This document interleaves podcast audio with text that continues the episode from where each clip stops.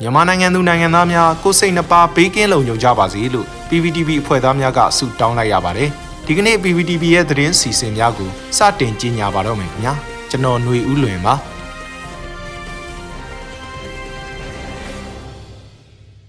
အခုပထမဆုံးအနေနဲ့ အကျဉ်းထောင်တွေအတွင်းကစိုးရိမ်ပေါ်ရအခြေအနေတွေနဲ့ပတ်သက်ပြီးအမျိုးသားညီညွတ်ရေးအစိုးရအဖွဲ့လူ့ခွင့်ရေးဆိုင်ရာဝန်ကြီးဌာနနဲ့အမျိုးသမီးလူငယ်နဲ့ကလေးသူငယ်ရေးရာဝန်ကြီးဌာနတွေကပူးတွဲကြေညာချက်ထုတ်ပြန်လိုက်တဲ့သတင်းကိုတင်ဆက်ပေးမှာဖြစ်ပါတယ်။ဇူလိုင်လ23ရက်နေ့မှာဖြစ်ပွားခဲ့တဲ့ရန်ကုန်အင်းစိန်ထောင်အတွင်းအကျဉ်းသားတွေရဲ့ငြိမ်းချမ်းစွာဆန္ဒပြမှုနဲ့ဩဂုတ်လ10ရက်နေ့မှာဖြစ်ပွားခဲ့တဲ့မန္တလေးအိုးဘူတောင်အတွင်းငြိမ်းချမ်းစွာဆန္ဒပြမှုတွေကိုလူသားတိုင်းခံစားရရှိခွင့်ရှိတဲ့ကျန်းမာရေးဆိုင်ရာအခွင့်အရေးနဲ့တခြားသောလူအခွင့်အရေးတွေအတွက် အန်ဒီယေကိုမကြောက်မရွံ့တိုက်ပွဲဝင်ခဲ့တဲ့အပေါ်ချီးကျူးဂုဏ်ပြုခဲ့ပြီးနိုင်ငံတကာအစိုးရနဲ့တန်ယုံတွေကိုအကြမ်းဖက်စစ်ကောင်စီအားဖိအားပေးဖို့အချက်6ချက်ကိုတောင်းဆိုခဲ့တာပါအဲ့ဒီအချက်တွေကတော့အကျဉ်းသားအလုံးဒန်းတူညီမျှစွာကိုဗစ်ရောဂါကုသခွင့်ရရှိစေဖို့ယောဂကုသမှုထိန်းချုပ်နိုင်မှုအတွက်အကာအကွယ်ပစ္စည်းစေဝါအသုံးဆောင်တွေကိုတိုးမြင့်စီစဉ်ပေးဖို့ကိုဗစ်ကူးစက်ခံရတဲ့အကျဉ်းသားတွေရဲ့မိသားစုဝင်တွေကိုအသိပေးအကြောင်းကြားခွင့်ပြုဖို့ထောင်ဝင်စာတွေးခွင့်ပိတ်ပင်နေတာကိုပယ်ဖျက်ပေးဖို့ အမျိုးသမီးတွေရဲ့တကိုယ်ရည်တန်ရှင်းရေးနဲ့အမျိုးသမီးဆိုင်ရာကျန်းမာရေးတွေအတွက်ရေးအလုံးလောက်သုံးစွဲခွင့်ရရှိဖို့အမျိုးသမီးတွေလိုအပ်တဲ့ကျန်းမာရေးဆိုင်ရာအခွင့်အရေးအသုံးဆောင်ပစ္စည်းတွေရရှိဖို့နိုင်ငံရေးအကျဉ်းသားတွေစီရီယန်ဝန်ထမ်းတွေအနေနဲ့ ICRC နဲ့ဦးချင်းဒါမှမဟုတ်အုပ်စုလိုက်ဖြစ်စေတွေ့ဆုံပြီးလိုအပ်ချက်တွေတင်ပြခွင့်ကိုချွင်းချက်မရှိခွင့်ပြုပေးဖို့အကျဉ်းသားတွေရဲ့တောင်းဆိုမှုတွေကိုထောင်ဦးစီးဝန်ထမ်းတွေကလူသားဆန်စွာလေးစားမှုပြုပြီးဆက်ပြီးဆက်သွယ်ပြောဆိုညှိနှိုင်းပေးရေးနဲ့ အကြမ်းဖက်ဖိနှိပ်ခြင်းမပြုဖို့စတဲ့အချက်6ချက်ပါဝင်ပါတယ်။လက်တလောအချိန်မှာနိုင်ငံအနှံ့ကအကျဉ်းထောင်တွေအတွင်းမှာကိုဗစ်ရောဂါကူးစက်မှုနှုန်းကအထူးမြင့်မားနေပြီးဝိုင်းရဲ့နိုင်ငံရေးခေါင်းဆောင်တချို့ရဲ့အကျဉ်းထောင်တွေအတွင်းတည်ဆုံမှုတွေနဲ့ပတ်သက်ပြီးစိုးရိမ်ပူပန်စရာအခြေအနေတွေရှိနေတာဖြစ်ပါတယ်။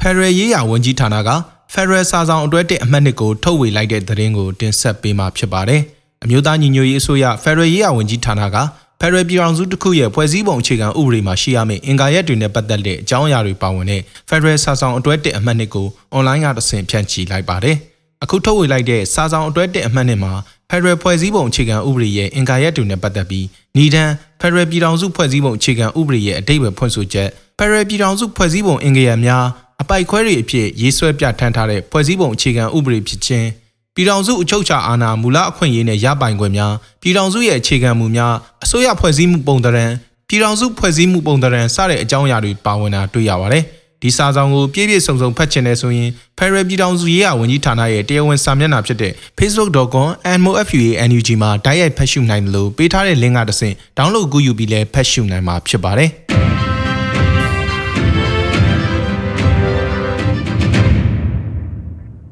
အလုသမားတွေအတွက်ကမ္ဘာအဆိုးအဝါဆုံးနိုင်ငံစင်းမှာမြန်မာပါဝင်လာတဲ့သတင်းကိုတင်ဆက်ပေးသွားမှာပါ။အပြည်ပြည်ဆိုင်ရာအလုသမားသမဂ္ဂအဖွဲ့ချုပ် IDUC ရဲ့2021ခုနှစ်ကမ္ဘာလုံးဆိုင်ရာအခွင့်အရေးညွှန်းကိန်းအရ လုံသမားတွေအပေါ်အာဏာသိမ်းစစ်တပ်ရဲ့ဥဆောင်မှုနဲ့နေရာအနှံအပြားအကြမ်းဖက်နှိပ်ကွပ်မှုတွေကြောင့်မြန်မာနိုင်ငံဟာအလုံသမားတွေအတွက်ကမ္ဘာအဆိုးအဝါဆုံး10နိုင်ငံစင်းမှာပါဝင်လာတယ်လို့ဒီနေ့ဩဂုတ်လ14ရက်ကထုတ်ပြန်လိုက်ပါတယ်။ဖေဖော်ဝါရီလ1ရက်နေ့စစ်အာဏာသိမ်းပြီးနောက်ဒီမိုကရေစီပြန်လည်ရရှိရေးတောင်းဆိုကြတဲ့ဆန္ဒပြပြည်သူလူထုအပေါ်ရရဆက်ဆက်နှိပ်ကွပ်ဖြိုခွင်းမှုတွေကြောင့်မြန်မာနိုင်ငံဟာအခုနှစ်အတွင်းအလုံသမားတွေနဲ့ပြည်သူလူထုပေါ်ဖိနှိပ်တဲ့နိုင်ငံအဖြစ်သတ်မှတ်ခံရတာလို့ IDUC ရဲ့အစီရင်ခံစာမှာဖော်ပြထားပါတယ်။ နေစဉ်ဆန္ဒပြမှုတွေဟာပုံမတိုးမြင့်လာတဲ့ရက်ဆက်မှုတွေနဲ့ကြုံတွေ့ခဲ့ရပါတယ်။ပြည်သူအနည်းဆုံး950တေဆုံးခဲ့ရပြီးရာပေါင်းများစွာထိခိုက်ဒဏ်ရာရရှိကြသလိုလူပေါင်း2900ကျော်အဖမ်းခံခဲ့ရတရားစွဲခံခဲ့ရဒါမှမဟုတ်ပြစ်ဒဏ်ချမှတ်ခံခဲ့ရပြီးဖြစ်တယ်လို့လည်းအစီရင်ခံစာကဆိုပါတယ်။မြန်မာစစ်တပ်ဟာလွတ်လပ်စွာပြောဆိုမှုကိုထိန်းချုပ်ဖိနှိပ်ဖို့အတွက်စိုက်ဘာဥပဒေတစ်ခုကိုပြဋ္ဌာန်းဖို့စီစဉ်ခဲ့ပြီးသူ့ရဲ့ဖိနှိပ်ဖြုတ်ခွင်းမှုကိုလုံးဝအလျှော့မပေးဘဲဆက်လက်လှုပ်ဆောင်ခဲ့တာပါ။ IDUC ကထုတ်ပြန်တဲ့2021ခုနှစ်အတွင်းအလုံသမားတွေအတွက်ကမ္ဘာအဆိုးအဝါဆုံးနိုင်ငံ10နိုင်ငံကတော့ဘင်္ဂလားဒေ့ရှ်၊ဘယ်လာရုစ်၊ဘရာဇီး၊ကိုလံဘီယာ၊အီဂျစ်၊ဟွန်ဒူးရပ်စ်၊မြန်မာ၊ဖိလစ်ပင်း၊တူရကီနဲ့ဇင်ဘာဘွေတို့ဖြစ်ပါတယ်။